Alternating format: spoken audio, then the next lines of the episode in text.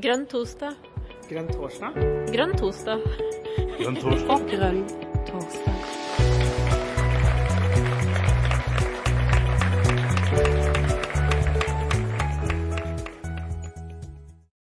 Ja, da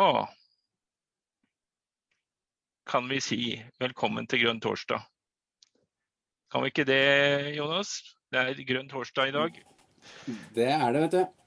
Ja, Eh, og Med et uh, spennende og engasjerende og uh, kanskje litt vanskelig tema også. ja, jeg er jo så gammel at jeg var født en del år før eller Nå er jeg litt usikker på når, når denne kampen om det er jo rundt abort starta, men den må nok ha starta før jeg var født. Men altså, det var noen viktige vedtak i Norge i begynnelsen på 70-tallet. og jeg husker da jeg hadde noen søsken som var veldig engasjert i det her. Så eh, det kan hende at jeg til og med gikk i demonstrasjonstog. Det, det er jeg litt usikker på, men det, det kan godt hende. ja. Nei, men nå skal vi gå inn på det konkrete forslaget som er fremmet til eh, landsmøtet. Og argumenter for og mot det, og bakteppet. Og bakteppet skal vi få hjelp til fra Kristoffer Robin Haug, som er Nå må jeg holde tunga rett i munnen, Kristoffer. Eh, er du da sosialpolitisk, nei, du er helsepolitisk talsperson, er du det? Riktig. Ja. Da skal Kristoffer Robin dra oss gjennom det, og så etter hvert så får vi da Nora Selnes og Birgitte Sterud til å eh, komme med forskjellige vinklinger inn i denne saken her. Så, og spørsmål kan dere sette i, i chatten. Eh, og så er det ordet til Kristoffer Robin. Vær så god. Tusen takk, Jon. Det her er jo, som du sa i innleggene, en komplisert problemstilling. Eh, En av grunnene til det er at det er veldig mange ulike perspektiver, mange ulike innganger man har eh, når man betrakter denne problemstillingen. Eh, En inngang er jo den helsefaglige, som også gjør det ganske komplisert. For det her er jo en veldig komplisert biologisk prosess. Og når man diskuterer det helsefaglige perspektivet, så er det også naturlig å trekke inn omtanken til helsefagarbeiderne, som tross alt jobber med denne problemstillingen til daglig. Eh, Et annet eh, perspektiv, en annen inngang, er jo livssyn, eh, som kommer til å bety veldig mye for hvilke vurderinger man gjør dette spørsmålet. Og ikke minst så handler det om grunnleggende rettigheter. Det handler om bestemmelse av eget liv. Det handler om bestemmelse over andres liv. Både storsamfunnets bestemmelse over kvinnens liv, og avhengig av hvilket livssyn man har, også kvinnens bestemmelse over et annet liv. Eh, Jeg har jo selv ingen spesiell innsikt eh, til å uttale meg om noen av disse eh, perspektivene og inngangene. Eh, Jeg kommer heller ikke til å ta del i denne samtalen her. Men jeg er tross alt helsepolitisk talsperson, og sammen med Daria Maria Symaniuk, som er oppvekstpolitisk talsperson i De Grønne, så kommer jeg til å måtte fronte politikken vår på dette området her i stortingsbehandlinger og lignende. Så Derfor har jeg blitt bedt om å gi en rask orientering eh, om dagens situasjon, før dette bildet kommer til å bli utfylt ytterligere av eh, Nora og Birgitte. Eh, Veldig overordnet så er det i Norge slik i dag at kvinnen har rett til å bestemme selv om hun skal avbryte et svangerskap fram til utgangen av tolvte svangerskapsuke. Og I dag må man da søke en nemnd bestående av to leger dersom man vil ta abort etter tolvte uke. Eh, Og eh, Et sånt svangerskapsavbrudd etter tolvte uke kan skje dersom et av følgende forhold er til stede. Eh, Det er enten svangerskapet, fødselen eller omsorgen for barnet kan føre til urimelig belastning for kvinnen, eller det kan sette kvinnen i en vanskelig livssituasjon, eller at det er stor fare for at barnet kan få alvorlig sykdom pga. arvelige anlegg, eller at barnet kan få sykdom eller skadelig påvirkning under svangerskapet, eller dersom svangerskapet er et resultat av seksualforbrytelser, eh, den gravide er alvorlig sinnslidende, eller i betydelig grad psykisk utviklingshemmet. Det er fra abortloven, altså. Eh, Etter 18. svangerskapsuke kan det ikke avbrytes, med mindre det er særlig tungtveiende grunner for det, f.eks. at mors liv er i fare, eller at fosteret er i en stand som ikke er forenlig med liv. Eh, så er det slik at Ifølge statistikken er det rundt 4% av alle aborter som behandles i nemnd i dag. Eh, rundt 90% av de som behandles i nemnd får ja, og dermed 10% av de som går gjennom nemndbehandling får nei. I 2019, som er den mest oppdaterte statistikken, ble det utført i alt 516 nemndbehandlede aborter. og Det er en nedgang på 9,3% fra 2018. Noe av nemndenes funksjon er jo ment både å sikre at disse kriteriene for svangerskapsavbrudd faktisk er møtt, eh, men også å være en støtte for kvinnen som skal ta dette valget. Eh, og Noe av bakgrunnen for at det diskuteres endringer eh, nå, er jo da rapporter som har kommet frem de siste årene om kvinner som opplever ordningen som belastende i en kritisk situasjon, eksempelvis at de har gått gjennom en prosess med legen sin og kanskje også fått stilt en diagnose, Eh, for å ta en endelig beslutning, før de da på ny skal til en nemnd etter dette. Eh, så vidt meg bekjent har, finnes det ikke statistikk på hvor stor andel eh, som opplever nemndene som en belastning, og hvor mange som opplever det som en støtte. I tillegg til abortloven så gjelder jo naturligvis også helsepersonelloven og pasientrettighetsloven, som bl.a. slår fast at det ikke er lov for behandlingsansvarlig lege å la være å snakke med pasienten om behandlingen som skal utføres, Eh, sikre at vedkommende faktisk ønsker prosedyren, snakke om risiko, bivirkninger, komplikasjoner osv. Så, så er det jo utgangspunktet for dagens samtale eh, at i Miljøpartiet De Grønnes utkast til program eh, så har da flertallet gått inn for et punkt om å utvide retten til selvbestemt abort til uke 18, mens mindretallet har ønsket seg et punkt om å beholde dagens grense for selvbestemt abort i uke 12. Det har kommet inn noen endringsforslag på disse som i stor grad eh, støtter enten det ene eller det andre, men med noen tillegg. Eksempelvis er det et forslag om å beholde dagens grense for selvbestemt abort til uke 12, men å legge til MDG vil ha en evaluering av dagens ordning med nemnd ved senaborter og vurdere ordninger som i større grad sikrer kvinner som vurderer å ta abort etter uke 18, eh, støtteordninger gjennom forløpet. Et annet forslag, som eh, går på å utvide retten til selvbestemt abort til uke 18, legger til ved å erstatte dagens abortnemnd med et rådgivende og støttende organ rettet mot kvinner og foreldre som velger å avbryte svangerskapet mellom uke 12 og uke 18. Eh, det vi vet, er jo at uansett hva landsmøtet kommer til å lande på, eh, så er jo dette en komplisert og omdiskutert problemstilling som gjør at Eh, det vil eh, være mange i partiet som gjerne skulle ønske seg et annet resultat. Så eh, for meg er kanskje det aller viktigste at vi går inn i denne samtalen her som parti, og virkelig forsøker å lytte til hverandre. Og selvfølgelig har vi mange gode grunner til å ha det synet vi har, men det gir en ekstra trygghet å vite, også for meg som skal fronte den politikken, at vi har klart å ha en god samtale i forkant, og at vi i hvert fall har fått frem alle relevante problemstillinger før vi sammen har tatt et vanskelig valg. Eh, og Det vil også være måten jeg vil fronte politikken vår på, uansett hva resultatet er, med en veldig sterk bevissthet om at uansett hva den politikken er, så er det mange forskjellige syn, eh, berettigede syn eh, om dette i partiet. Og det mener jeg at utførelsen vår av politikken også bør være preg av. Så tusen takk for meg for at jeg fikk holde innledning, og lykke til videre i samtalen som dere andre skal ha. Takk Kristoffer for en eh, god og grundig redegjørelse for eh, hvor vi står i dag, og eh, den oppfordringa om hvordan vi skal behandle denne saken i partiet, den kan vi vel alle slutte oss til. Og da er det sånn at Nora skal få ordet for å argumentere for synet som flertallet av programkomiteen har. Vær så god, Nora. Ja, takk. Eh, aller først vil jeg jo bare si at jeg er veldig glad for at eh, vi har det her formatet i dag, hvor det er en samtale og ikke en beinhard debatt. For det blir det jo veldig fort. For jeg tror vi alle har eh, samme mål og samme intensjon, og det å gjøre det man sjøl tenker at det er lurt og tenker at det er best. Og så har man jo litt forskjellige definisjoner av hva som går inn i akkurat det.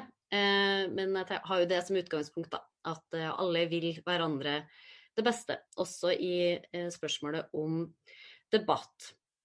Så det som har vært ja, GU sin linje, som også er litt min inngang til det her, er at abortnemndene vi har i dag, de fungerer ikke etter hensikten. De er mer en formyndersk instans som har en, jo, har en mulighet til å nekte noen å ta abort, og dermed også i forlengelse påtvinge noen å gjennomføre et svangerskap. Og det um, har vi i GU landet på, det var vel i 2018-2019 at vi gjorde et vedtak på det, at det ikke er riktig måte å uh, verken å sikre kvinners helse uh, på, uh, og at det bryter med den tilliten man tross alt må ha til at kvinner kan ta eh, etiske og moralske valg sjøl, men at det å ha en nemnd hvor det sitter to fremmede leger, at det heller ikke er eh, Det er ikke den beste måten man kan følge opp eh, gravide som har blitt satt i en situasjon hvor eh, de må vurdere abort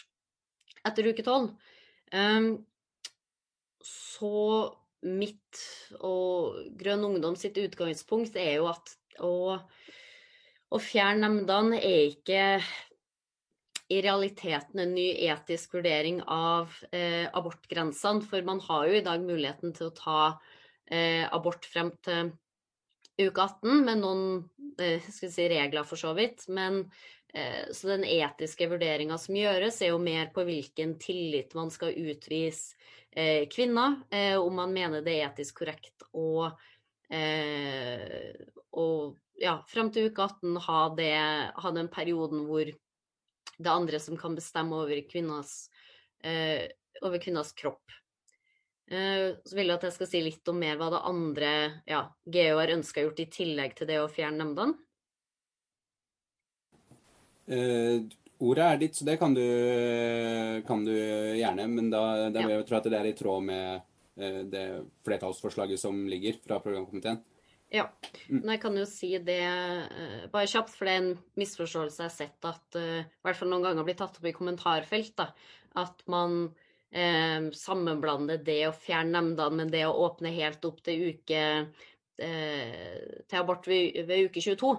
og det kan i hvert fall bare klargjort det, så vi har det ut av verden fra starten av. At det er ikke GU sitt ønske i det hele tatt. Og det er min oppfatning også, at det er det ganske betydelig motstand mot de, ja, de, forslagene som har kommet fra SV, bl.a. om at man skal eh, ha fri abort helt frem til da. For da er det jo ja, eh, det er vel det punktet hvor man begynner å eh, redde premature barn. Da. Så da er det jo åpenbart at det er et eh, skille der som vi ikke ønsker å dytte nærmere. Um, så da tenker jeg starte med det, og så får vi ja, se hvor samtalen går hen. Ja, Takk, Nora. Det var eh, en go god innledning og eh, godt gode, tanker på god forklaring før vi slipper til Birgitte her. Er du klar, Birgitte? Ja, det er jeg. Vær så god. Ja, tusen takk. Jeg har lyst til å begynne med noen premisser som ligger lenge før man snakker om selvbestemt abort, eller som er et premiss for at man i det hele tatt snakker om det. Og si litt om hvordan det går an å være mot abort, men for selvbestemt abort. Vi diskuterer abort fordi livmoren er tilgjengelig utenfra for ukyndige hender. Det betyr at kvinner, jenter som er uønsket gravide, og vi vet fra rundt omkring i verden at sex brukes som vold, og at det kan komme barn ut av det. Det brukes i krig, det brukes for undertrykking.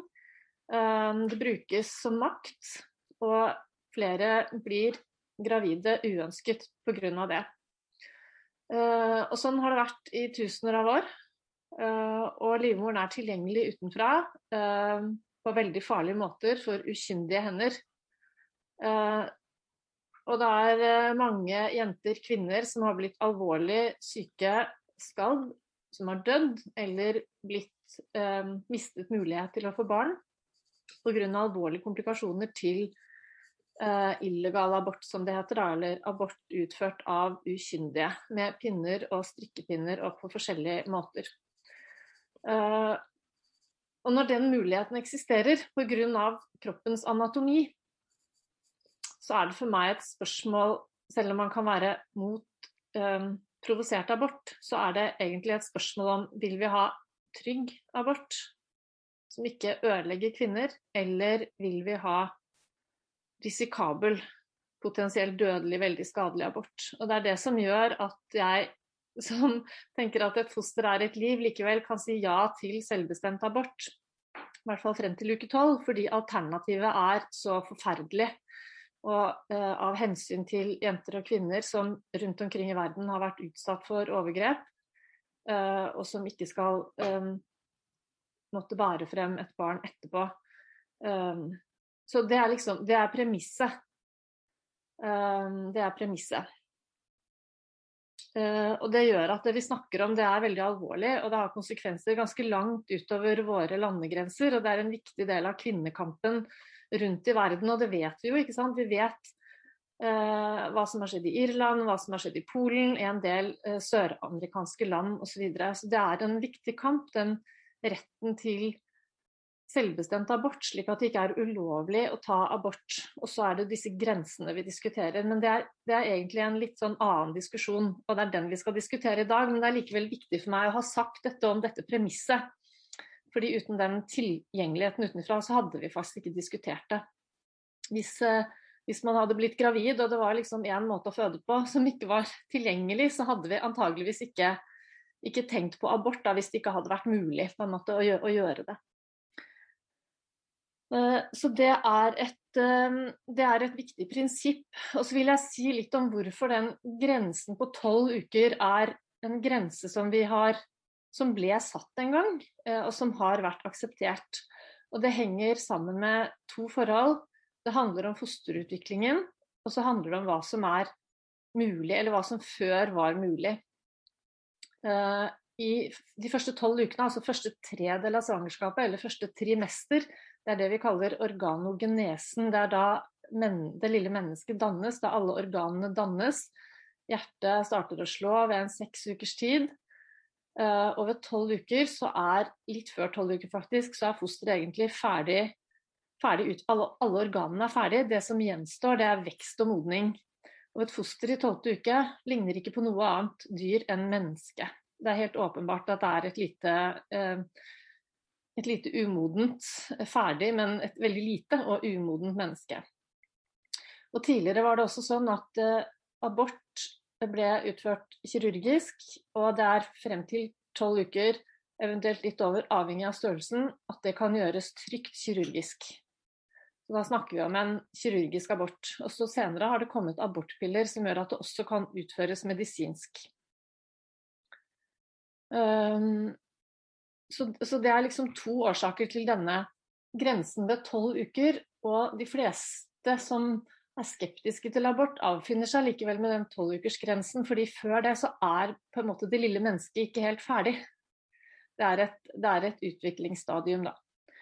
Etter uke tolv så er det ikke lenger snakk om en sånn type abort. Da er det snakk om å fremprovosere en for tidlig fødsel. Og det vil jo være en helt annen opplevelse for kvinnen.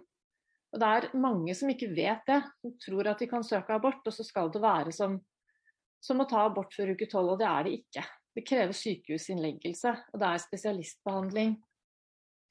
Etter uke tolv så er det forbundet med risiko uh, å utføre abort på den vanlige uh, kirurgiske måten hvor man går inn via kjønnsorganene og, og, og suger ut. Uh, fordi at fosteret er blitt for stort. og det er økt blødningsfare og infeksjonsrisiko og andre komplikasjoner.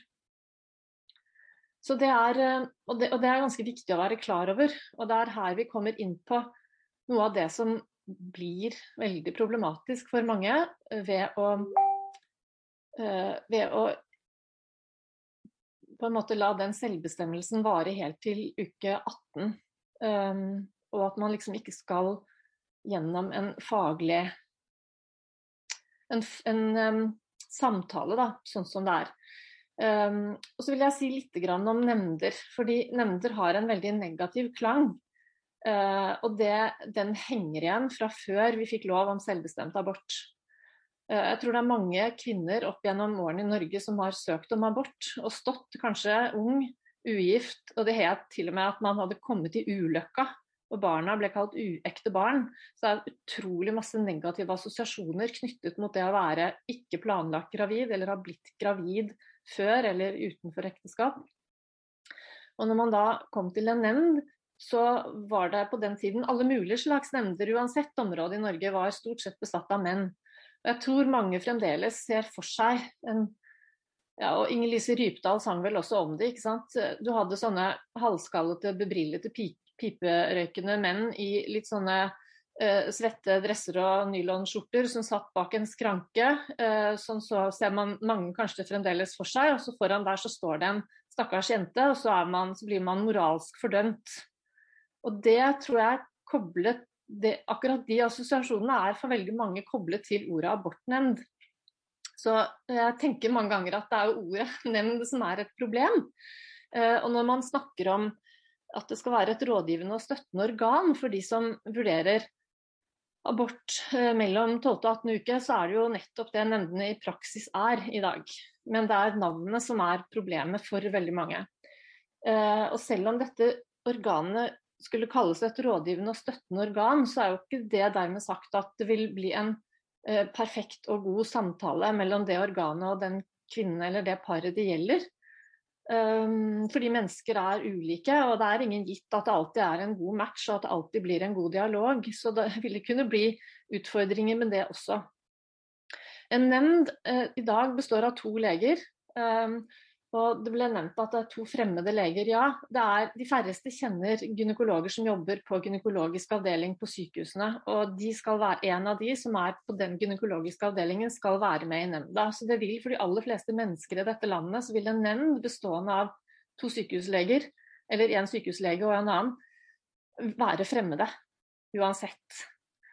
Um, og fordi abort er spesialistbehandling, så må man faktisk snakke med den avdelingen og en av de spesialistene som skal utføre behandlingen eller inngrepet.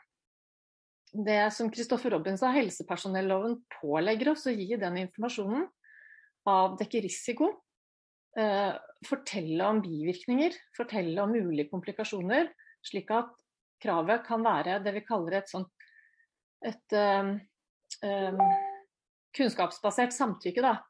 At man vet hva man faktisk går til. Og det er mange som ikke vet hva de går til når de søker abort før 18 uke eller mellom 12 og 18 uke. Og man har også plikt til som behandler å forsikre seg om at dette faktisk er pasientens ønske. Jeg jobber selv som anestesilege, og jeg snakker jo med pasienter hver eneste dag før ulike inngrep. Eh, og da må man faktisk spørre pasienten har du fått informasjon, vet du hva som skal skje, har du fått informasjon om bivirkninger og komplikasjoner og risiko. Og man går ikke sånn i minste detalj, men pasienten skal ha et informert samtykke. Og da må de ha fått informasjon. Og de har også rett til å medvirke i behandlingen av seg selv, og det vil de jo heller ikke kunne uten at de er informert. Og det er eh, også så sier man at ja, det er noen veldig få som får nei. Men vet man at dette nei-et er til pasientens verste, eller kan det faktisk tenkes at det er til pasientens beste? Ehm, det er, det er ikke sånn i Norges spesialisthelsevesen at man, man, har rett på behandling, men man har ikke rett til å kreve eh, behandling og inngrep uansett.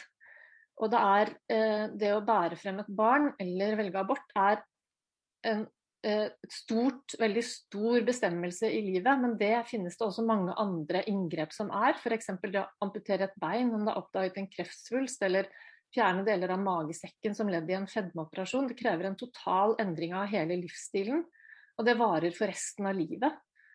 Uh, og det er ulike behandlinger som er veldig krevende. Og da er det ikke uvanlig å snakke med leger flere ganger, og gjerne to leger, flere leger. Man kan være igjennom tverrfaglige samtaler utredninger hos psykolog for å være sikker på at pasienten er i stand til å gjennomføre behandlingen, og at de er klar over konsekvensene. Det er det ikke tid til, selvfølgelig, når det gjelder abort, for da går jo tiden. Eh, og barnet i magen vokser. Men disse tingene er det ganske viktig å være klar over, sånn at vi, at vi kjenner til hvilken plikt helsepersonell har. Og så skal jeg si én ting til, og så skjønner jeg at må, da må jeg stoppe. og Så skal jeg komme tilbake med flere ting senere. Men det er viktig for meg å få på plass disse formelle tingene først. Og Det er mange som også syns det er helt forferdelig at man må begjære svangerskapsavbrudd hvis man nå har fått vite at fosteret er veldig skadet, f.eks. Uh, hvis vi ser på historien bak det, at det er helt nødvendig å begjære svangerskapsavbrudd på samme måte som det er helt nødvendig å skriftlig begjære sterilisering. Det henger sammen med at det har vært begått overgrep også i Norge mot mennesker tidligere ved tvangssterilisering, og muligens også tvangsabort. Det siste vet vi mer om fra andre land, det er lite tall på det fra Norge. Men dette med å begjære, det er rett og slett å forsikre seg om at ingen skal gjøre noe mot en kvinne eller, eller, mann når det er snakk om sterilisering, eller mot en kvinne når det gjelder abort, uten at hun faktisk har skrevet at dette ønsker jeg å gjøre selv.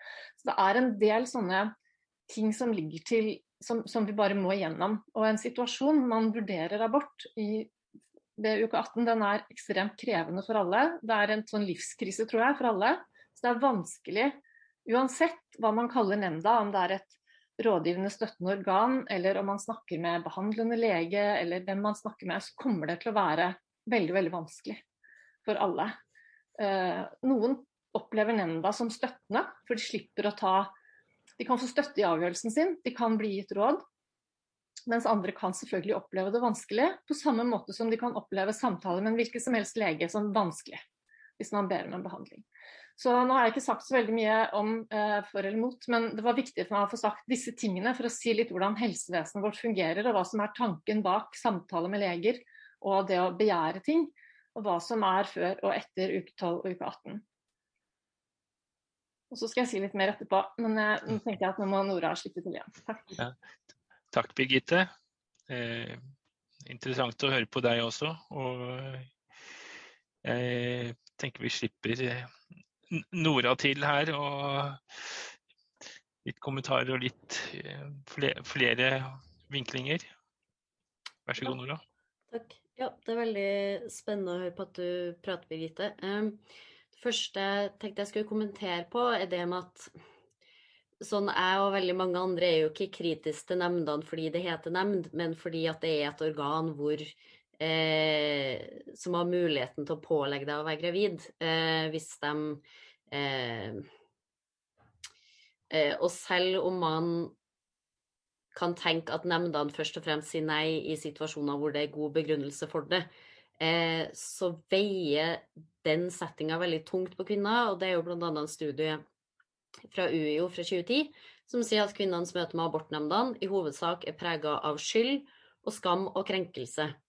Um, og så ser jeg veldig godt det poenget med at man må ha eh, en eller annen form for eh, skal vi si, Kall det check-in point eh, av eh, alle de ulike årsakene du nevnte her. Men igjen så syns jeg ikke at nemndene er riktig måte å gjøre, å gjøre, det på. For det ene er jo at eh, ja, hvis det er noen av dere som har eh, slitt med noe før eller måtte ha trengt å gå gjennom en vanskelig avgjørelse, så er jo ikke det å snakke med noen én gang Eh, og heller ikke å snakke med noen som kan eh, pålegge deg å gjøre det motsatte av det du bestemmer deg for. Det er jo ikke der du kanskje henter den, eh, den støtten og veiledninga du, treng, du, trenger. Det er å snakke med noen du kan stole på og føler deg trygg med over, over en lengre periode.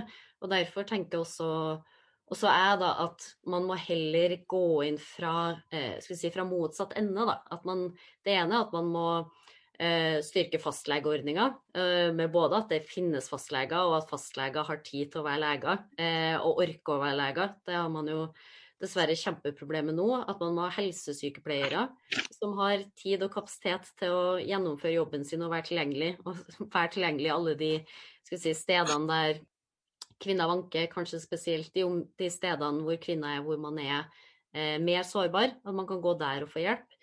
Um, og så er det jo selvfølgelig det at man skal ta et informert valg. Men igjen, da, som med de eksemplene du pekte på, hvor man eh, skal gjennomgå en stor operasjon f.eks., så må du jo ikke møte i en nemnd eh, før du skal amputere beinet, og sjøl forklare hvorfor du vil få det beinet amputert. Eh, og da med en teoretisk mulighet for at en lege kan si nei, sorry, det er ikke vi, det er ikke vi enig i, du må bare beholde det beinet. Så jeg syns det eh, igjen at også det behovet for informert samtykke syns jeg ikke skal komme fra nemnd. Jeg syns det skal komme eh, fra samtaler med leger i de settingene som vi allerede eh, har det med folk, eh, når vi har andre typer operasjoner. Um, og så er det også viktig for meg å påpeke at vi vet ikke hvordan de avslagene blir fulgt opp. Det kan godt hende at noen blir avslått fordi eh, man sammen lander på at nå skal det her Det her var ikke riktig for deg å ta abort. Men nemndene har ikke noe, eh, noe, plikt til å følge opp kvinnen, og vi har ikke noe tall på hvem er det som føder de barna, hvem er det som drar til utlandet for å ta abort. Eh, hvor mange av de barna som blir født, er som ender opp med å faktisk bo hos foreldrene sine, eh, eller de biologiske foreldrene etter fem år. Da. Så det er mange av de ettervirkningene av de tross alt ti prosentene som jeg jo synes er en ganske betydelig andel, selv om det ikke er snakk om så mange som spør om abort mellom uke 12 og 18, at de 10 prosentene er jo likevel en betydelig andel. Da. Et annet poeng som jeg syns er veldig viktig å få frem, er jo at folk vil jo ikke ta abort. Eh, og det syns jeg du var litt inn på, Birgitta, at man trenger jo at for å låne et, et slagord fra USA, da man er pro-choice. Pro altså man vil at folk skal ha de valgene å ta, og man vil at folk skal få ta de valgene med verdighet. Da. Det er i hvert fall min, eh, min inngang til, til, spørsmålet om å fjerne nevnd. Um, og det jeg kanskje opplever noen ganger. Um, ikke på det du sa nå, Birgitte, men kanskje heller fra, uh, fra enkelte i KrF. Da, at man nærmest pålegger kvinnene en sånn uh, den bibelske Evas dragning mot synd. Da, at man liksom må hjelpe kvinner med å, uh, med å få etisk veiledning. Og at kvinner ikke skjønner de etiske dilemmaene som som det med abort. Og det tror jeg kvinner kjenner veldig på kroppen, nettopp av de grunnene som Birgitte sa, at etter uke 12, og spesielt opp mot uke 18, når man tross alt er halvveis i svangerskapet, da merker man at man er gravid. Da kjenner du jo fysisk i kroppen at her er det et vanskelig valg som jeg må ta. Um, og igjen, da syns jeg ikke en nemnd er, det, er den arenaen hvor man skal skal måtte sitte og kjenne på det, da. Um, for de her vanskelige valgene, de er så dypt personlige, og da syns jeg ikke den hjelpa man skal få, skal ikke være under eh, forutsetninga om at man trenger etisk veiledning.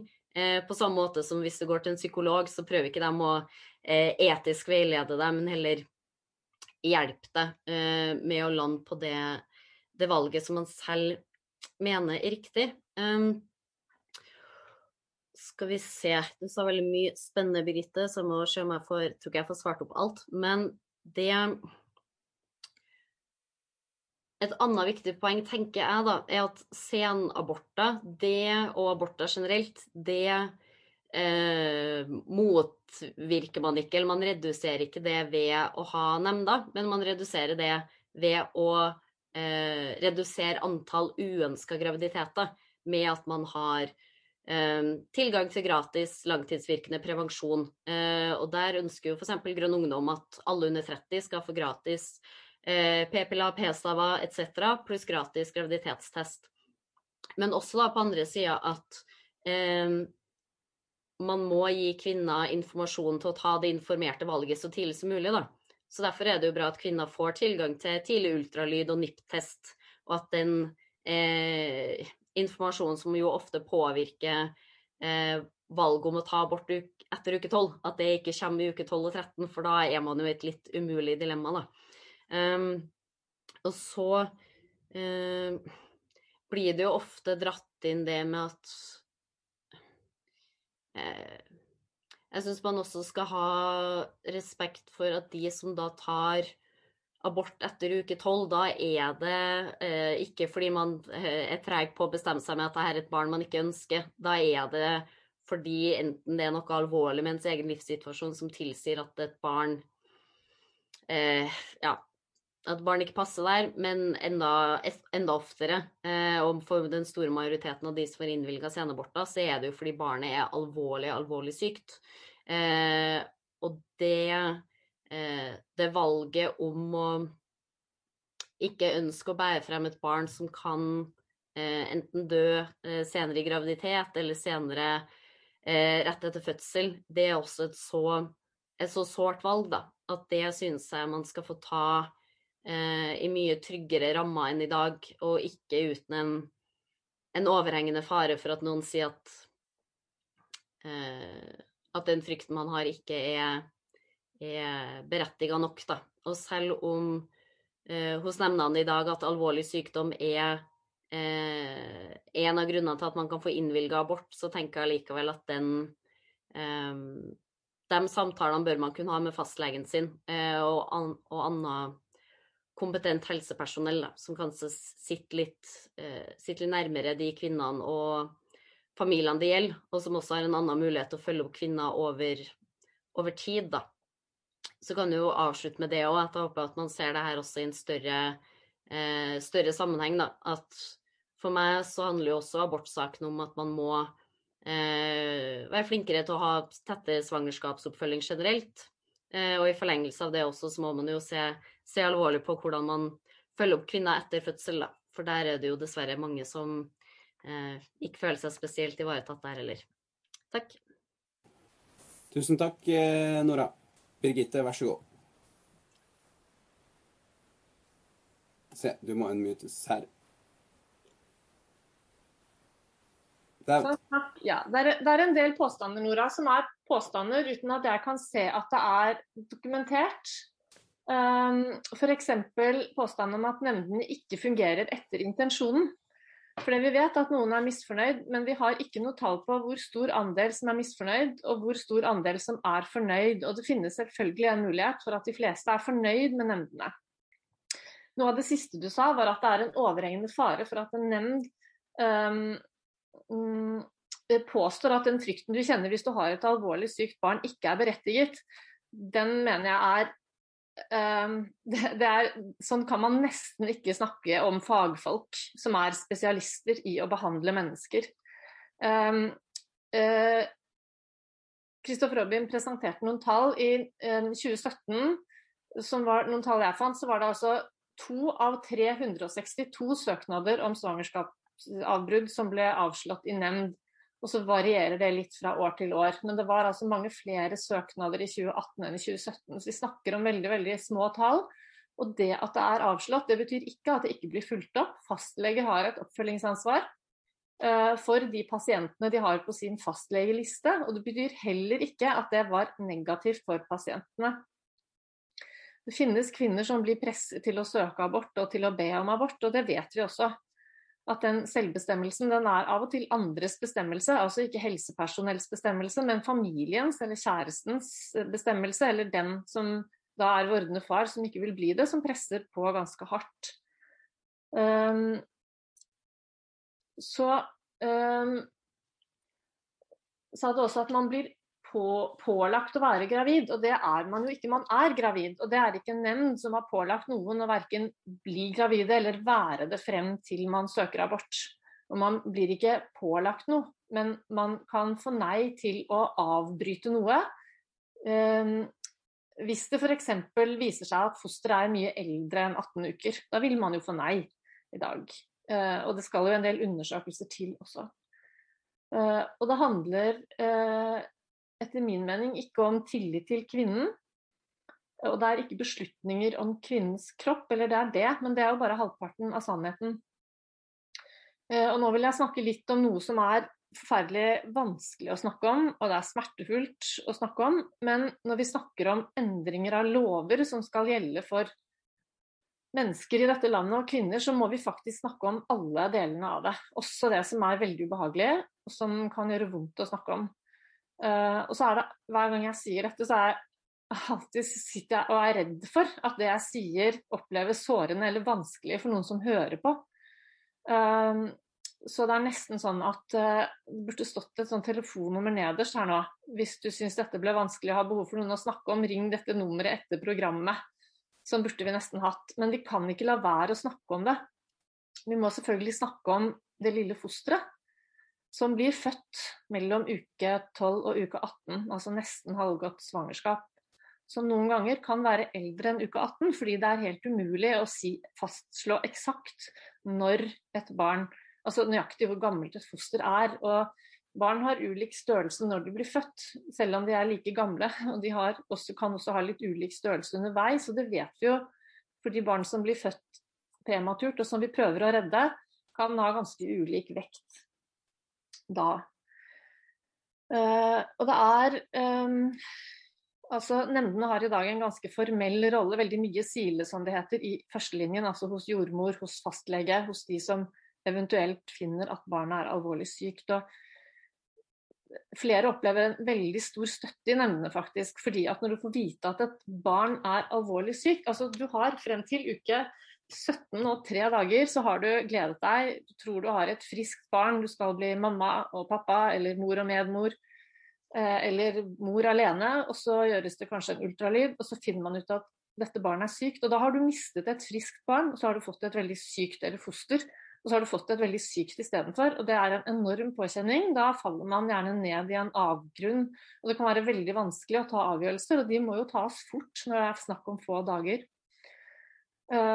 Og det kan være vanskelig å vite om det er riktig, og i den situasjonen så opplever faktisk mange kvinner at de har veldig god støtte av en nemnd som faktisk kan si at med fagkunnskap, da, uh, som ikke fastleger har på den samme måten, for de har ikke den spesialistkunnskapen at dette fosteret vil ikke være levedyktig. Her anbefaler vi det, og hvis du velger det, så støtter vi deg det. Eh, og det skal du ikke ha dårlig samvittighet for. ikke sant? Så det kan være veldig viktig å ha den nemnden som en støtte. og det, Jeg kjenner mange som har opplevd det sånn. Eh, og, så, eh, og de springer kanskje ikke Eller de, de har kanskje ikke like mye noe eller noen å skylde på når de sitter med kaoset sitt, for de har opplevd å få støtte. Og så kan det være andre som ikke har møtt det på den måten, som har et større behov for å si ifra i sin fortvilelse. Men det vi snakker om, det er jo et liv til. Det er jo ikke bare morens kropp eller morens liv.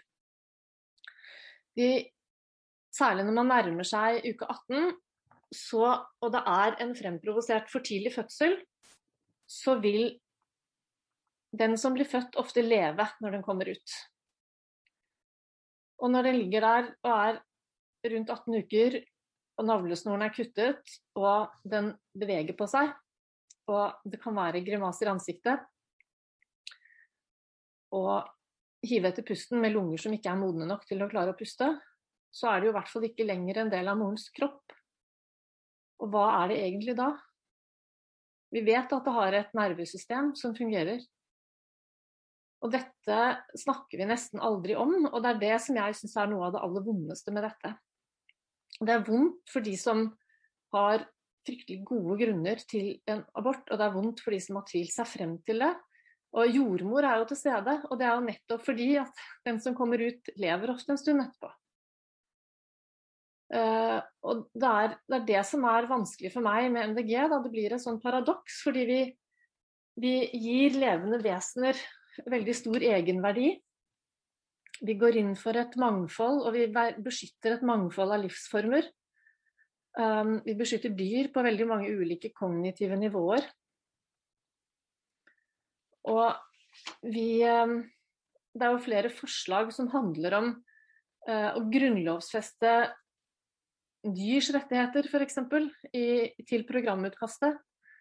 Uh, og behov og hvis man ser på den lille som er født, så er det veldig vanskelig å tenke seg at den ikke har et behov for å bli ivaretatt, selv om det ikke kan verbaliseres. For vi beskytter jo alle de umælende også.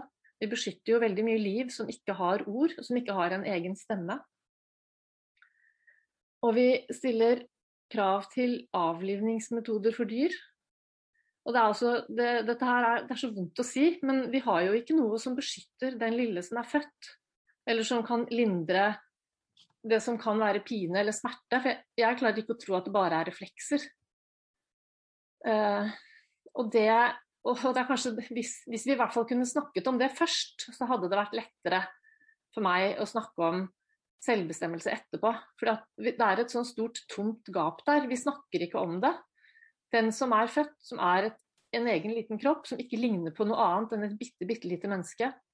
Uansett hvor mye man har reddet mors liv, og uansett hvor etisk riktig absolutt alle vil si det er, så ligger det kanskje der å leve likevel.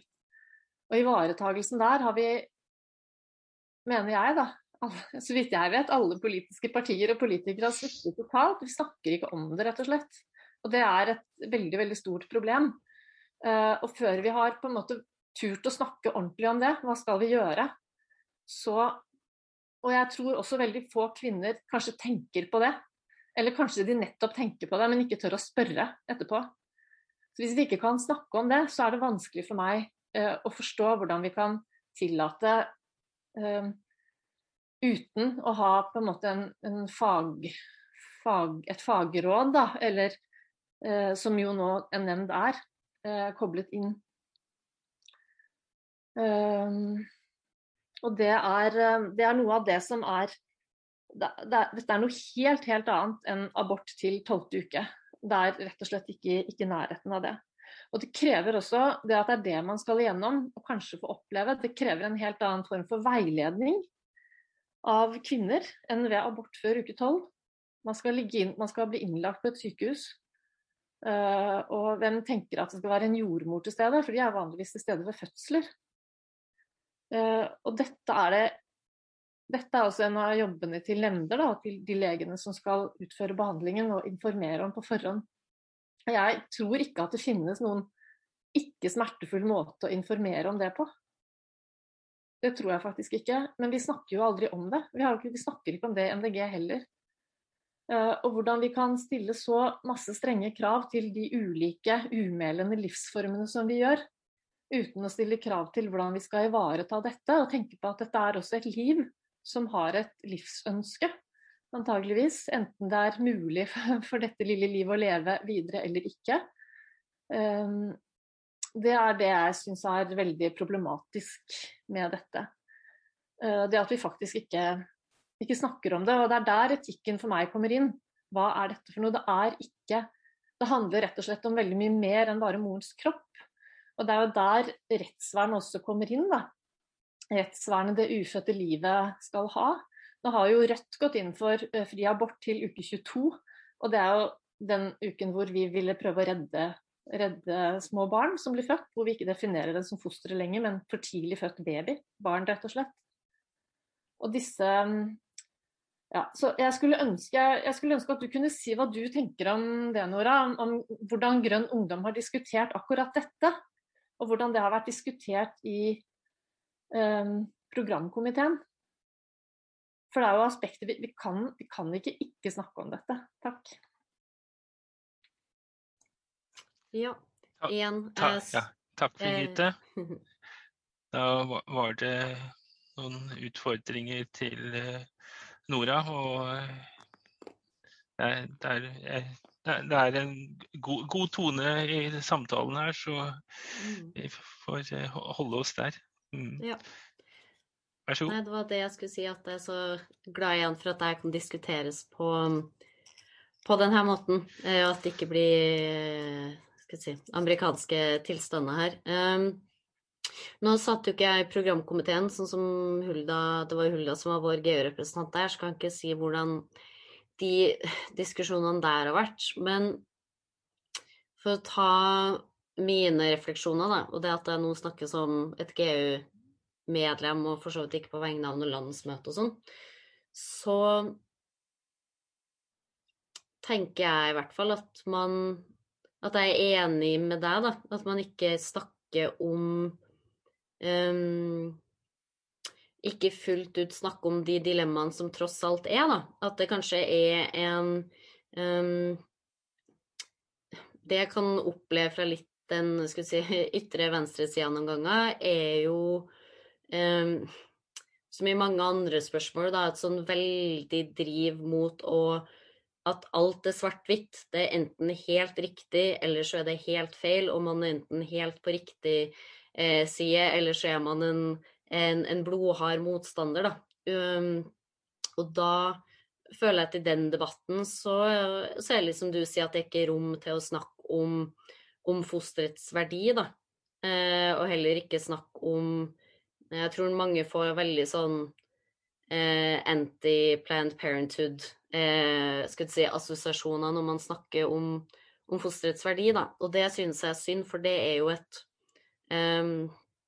aspekt som man, må, som man må ha med, og som jeg også synes at man skal være flink til å snakke med, med kvinnene om, da, uten at det skal bli en eh, eh, bli et pålegg, da. Da må det også gjøres med eh, skal si det faglige utgangspunktet som du snakker om, ikke kanskje det eh, ja, mer sånn moralske utgangspunktet at her er det et liv som ja, man tar livet av. Eh, men det jeg kanskje personlig tenker, da, at det med fosterets verdi og eh, hensynet til kvinners rett til å bestemme over egen kropp, da. At man kanskje skal anerkjenne at det er to hensyn som ikke eh, At på ett punkt så er blir jo de fraskilt ved uke 22. Så er, anerkjenner man jo at de to er to forskjellige ting, eh, ettersom fosteret kan overleve eh, alene. Men at man skal anerkjenne at de også ikke eh, At de er fraskilt enda tidligere, da. At man kanskje skal tørre å være ærlig på at på ett punkt så er det en avveiing om hva man eh, tenker veier tyngst, da. Eh, og at det derfor er eh, Og det tror jeg de fleste kjenner på også, som sagt, med at de aller, aller, aller fleste aborter tas jo godt før uke tolv. Eh, de, og de som ønsker et barn eh, og er ved sine fulle fem, vil jo ikke ønske å gå eh, gravid eh, og så abortere sent ut i, sent ut i, etter, i svangerskapet. Man ønsker jo å føde et levende barn som man har lyst til å ha med seg og være glad i, og som man skal vokse opp og, og dele resten av, av, livet sitt med. Um, så jeg syns det her er, er, vanskelig, men da kommer det igjen på at man må eh, må stole på at når det er et spørsmål om alvorlig eh, sykdom, hvor det enten er, vil bli komplikasjoner under svangerskapet eller rett etter fødsel, at det eh, At det også er en realitet man ikke kan overse. Eh, så, så det tror jeg er litt viktig for meg å, å si, da, at de, eh, at de senabortene Det kan vi jo se fra Sverige, f.eks., med at det ikke har vært noe De har ikke noe mange flere eh, senaborter, de, selv om de har hatt til uke 18 siden 1970-tallet ennå, eh, enn her i Norge. At kvinner ønsker ikke å abortere friske foster sent. Eh, de gjør det fordi de gjør det fordi de må. Eh, så jeg tror den respekten for for liv ligger veldig nært kvinnene det gjelder.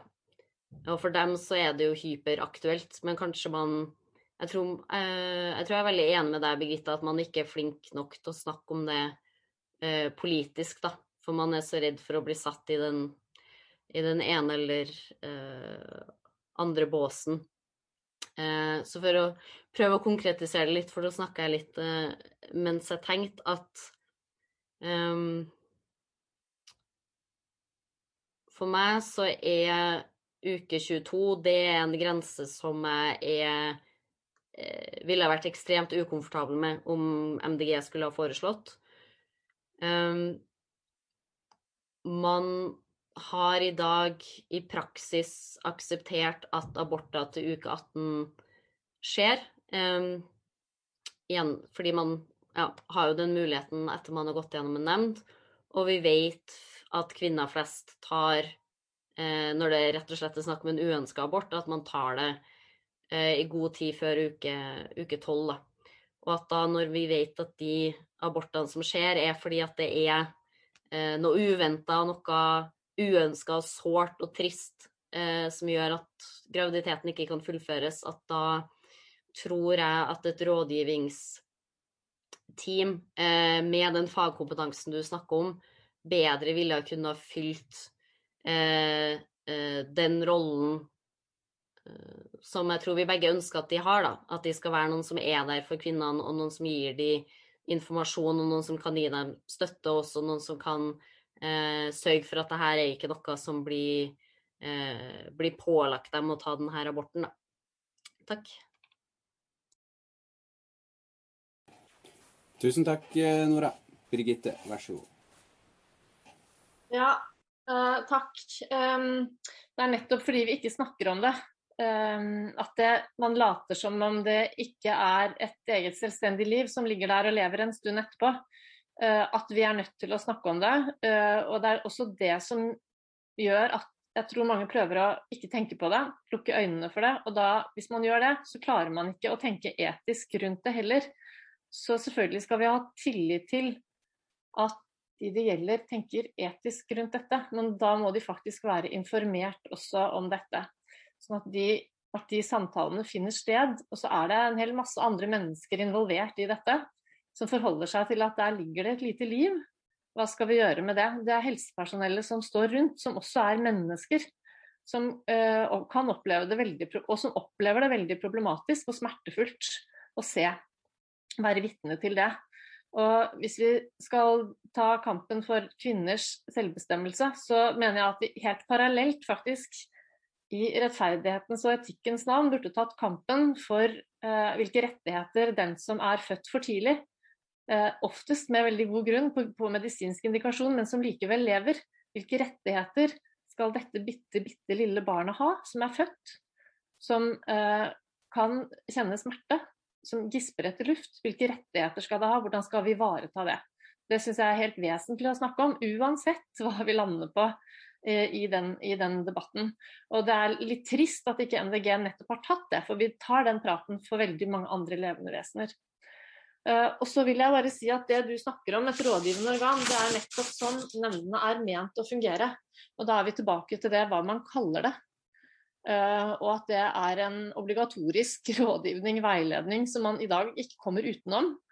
Uh, og i, for alle praktiske formål så har altså nemndene kun en formell rolle i dag. Det er ekstremt sjelden at det gis avslag, og de avslagene kan faktisk gis Eh, med begrunnelse i at pasienten, altså kvinnen, eh, kanskje ikke oppleves å være ved sine fulle fem, kan ha mistet mannen sin, mannen kan ha dødd. Eh, og er det noe man av og til vet, så er, det, så er det at det er ikke sikkert at det vil være til kvinnens beste å avbryte svangerskapet også. Så det ligger en hel masse menneskelige, medisinske vurderinger bak den type avslag. Og det finnes leger som som har sagt at jeg har jo ikke lov til å si at kvinnen ikke kan, men jeg, jeg, kan, jeg kan, faktisk ikke si ja, fordi jeg tror at dette vil være veldig skadelig for kvinnen. Uh, og jeg har snakket med en kirurg i dag som fortalte om en gynekolog som nettopp hadde sagt at jeg kan ikke, jeg kan ikke innvilge det, men jeg, ikke, jeg, klarer ikke å avslå det heller, og det må gå til en sekundærnemnd, fordi jeg tror det vil være veldig skadelig for denne kvinnen, sånn som jeg har blitt kjent med henne nå, å, Eh, å avbryte dette svangerskapet. Så det ligger mye omsorg og omtanke i det. Ikke en sånn eh, tanke om at kvinnen er umoralsk eller ikke klarer, å, ikke klarer, å, tenke. Det kan være forhold ved kvinnens situasjon som gjør det nærmest umulig. Um, eller at hun, vil, at hun, vil, ta en avgjørelse som hun vil komme til å angre på, og som hun tre dager før aldri kunne tenke seg muligheten av å si i de situasjonene hvor det er hennes situasjon, da, ikke det er fosteret det er noe galt med. Så de, vi må bare ha øynene åpne for at det ikke er en fordømmelse å nekte kvinner, men at det kan ligge veldig god helsehjelp i også å si nei. Eh, til ulike typer behandlinger og inngrep, så kan det være den helt riktige helsehjelpen noen ganger å si nei. Uh, og i noen veldig veldig sjeldne tilfeller, for det er veldig sjelden, så må vi faktisk ha muligheten åpen for at det å si nei til en abort i 18 uker kan være den aller beste helsehjelpen fysisk og psykisk for, for, den kvinnen. Jeg sier ikke at det alltid er det, men vi må i hvert fall være åpne for at det kan være det. Så jeg tror at det er for tidlig av MDG å bestemme seg. Jeg tror at det er en del ting vi burde lande på og bestemme oss for før vi sier ja til dette. Dagens abortlov fungerer veldig, veldig, veldig bra for de aller, aller fleste. Uh, og det som er synd, det er at KrF har tukla det ganske mye til med å slenge opp en hel masse nye ting på bordet. Nå sier jeg det veldig flåsete, men jeg mener det faktisk. Skulle bare latt det være i fred, så hadde det vært et mye mindre problem. Og så må vi heller jobbe for at nemndene fungerer bedre ved å jobbe med hvordan, hva skal de gjøre, hvilke metoder bruker de, hvem hvem sitter der, hvordan møter de kvinner, hva slags type kommunikasjon er det. Og det sånn, Mennesker kan alltid bli bedre. Uh, det kan helt sikkert nemnder gjøre òg. og det eh, rådgivende og støttende organer, så kan man gjerne kalle det for det. Men det bør ha den eh, Vi trenger ikke å endre loven for å jobbe med at nemndene skal eh, fungere bedre der hvor det ikke fungerer, og opprettholde en god funksjon for alle dem som de har en god funksjon for.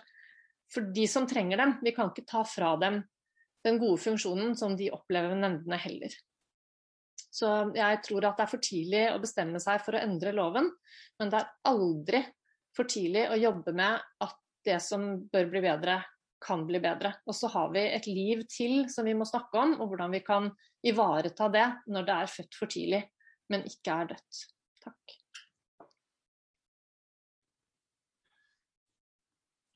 Tusen takk, eh, Birgitte. Og tusen takk, eh, Nora. Jeg vet at Nora gjerne skulle kommentert litt, og Birgitte skulle gjerne sikkert også da kommentert litt. Eh, jeg tror at eh, denne timen har eh, vist fram forskjellige sider av denne saken som har opplyst oss som er med, og så kommer vi til å legge ut dette på YouTube også så fort som Jonas eh, greier å jobbe. jeg trenger litt hjelp med noen tekniske ting også. Eh, nei, jeg syns dette fungerte veldig bra. Vi har ikke prøvd å ha Grønn torsdag på denne måten før, men dette var et spesielt tema. Og jeg håper at eh, Nora og Birgitte er fornøyd med sin egen opptreden, og at de fikk fram sine vinklinger. Jeg syns i hvert fall det.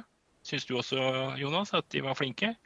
Jeg vil eh, berømme dere begge, eh, Nora og Birgitte. For det er sånn eh, Dette er hvordan snakke om et vanskelig tema. One of one. Så masse kreds til dere for det. Den ja, syns har vært en veldig god tone, og forhåpentligvis også opplysende for for de som ser på dette i etterkant, og for de som har vært med i møtet i dag. Så mm. Ja. Da sier vi takk for det. Og så må bare litt reklame. Det er snart påske og landsmøte eh, i MDG. Om ei uke så er, håper jeg da at første landsmøtedag er over klokka ni på kvelden. Eller jeg husker ikke helt hva tidsplanen er. Det skal jo begynne klokka fem torsdag om ei uke. Dette blir kjempespennende. Men vi, rekker, vi, vi sniker inn en grønn torsdag på tirsdag. Ble, eh, hvor vi da skal, er så heldige at vi får besøk av Margit Fausko og Harald Moskvild. Og de skal eh, snakke litt om disse programforslagene knytta til landbrukspolitikk. Det blir veldig bra. Og neste vanlige grønn torsdag, som da kommer etter påske, da får vi en besøk av en som forhåpentligvis Nei, han blir det, det er vel landsstyret bestemt. Fungerende leder mens eh, Une er i mammaperm. Arild Hermstad. Og en partisekretær som heter eh, han, vel, han, må vel bli gjenvalgt? Jeg tror han er på valg nå, jeg er litt usikker. Torkil eh, Vederhus. Og da er det full fart mot valget. Og vi har vedtatt et program og sånt, så det blir jo kjempespennende. Men det er jo Blir det to eller tre uker til? Det er 8. april. Jeg, det er lenge til i tre uker, tenker jeg. Ja. ja. ja. Så er det påske imellom. Men eh, skal vi si tusen takk for, eh, til alle som var med i dag, og håper at alle fikk med seg fikk, fikk gode innspill. Og så håper vi at det dukker opp en del på Grønn torsdag på tirsdag. Og så håper vi at MDG får et teknisk vellykka landsmøte. Også, også innholdsmessig, sjølsagt, men det blir en utfordring for oss alle. Mm. Tusen takk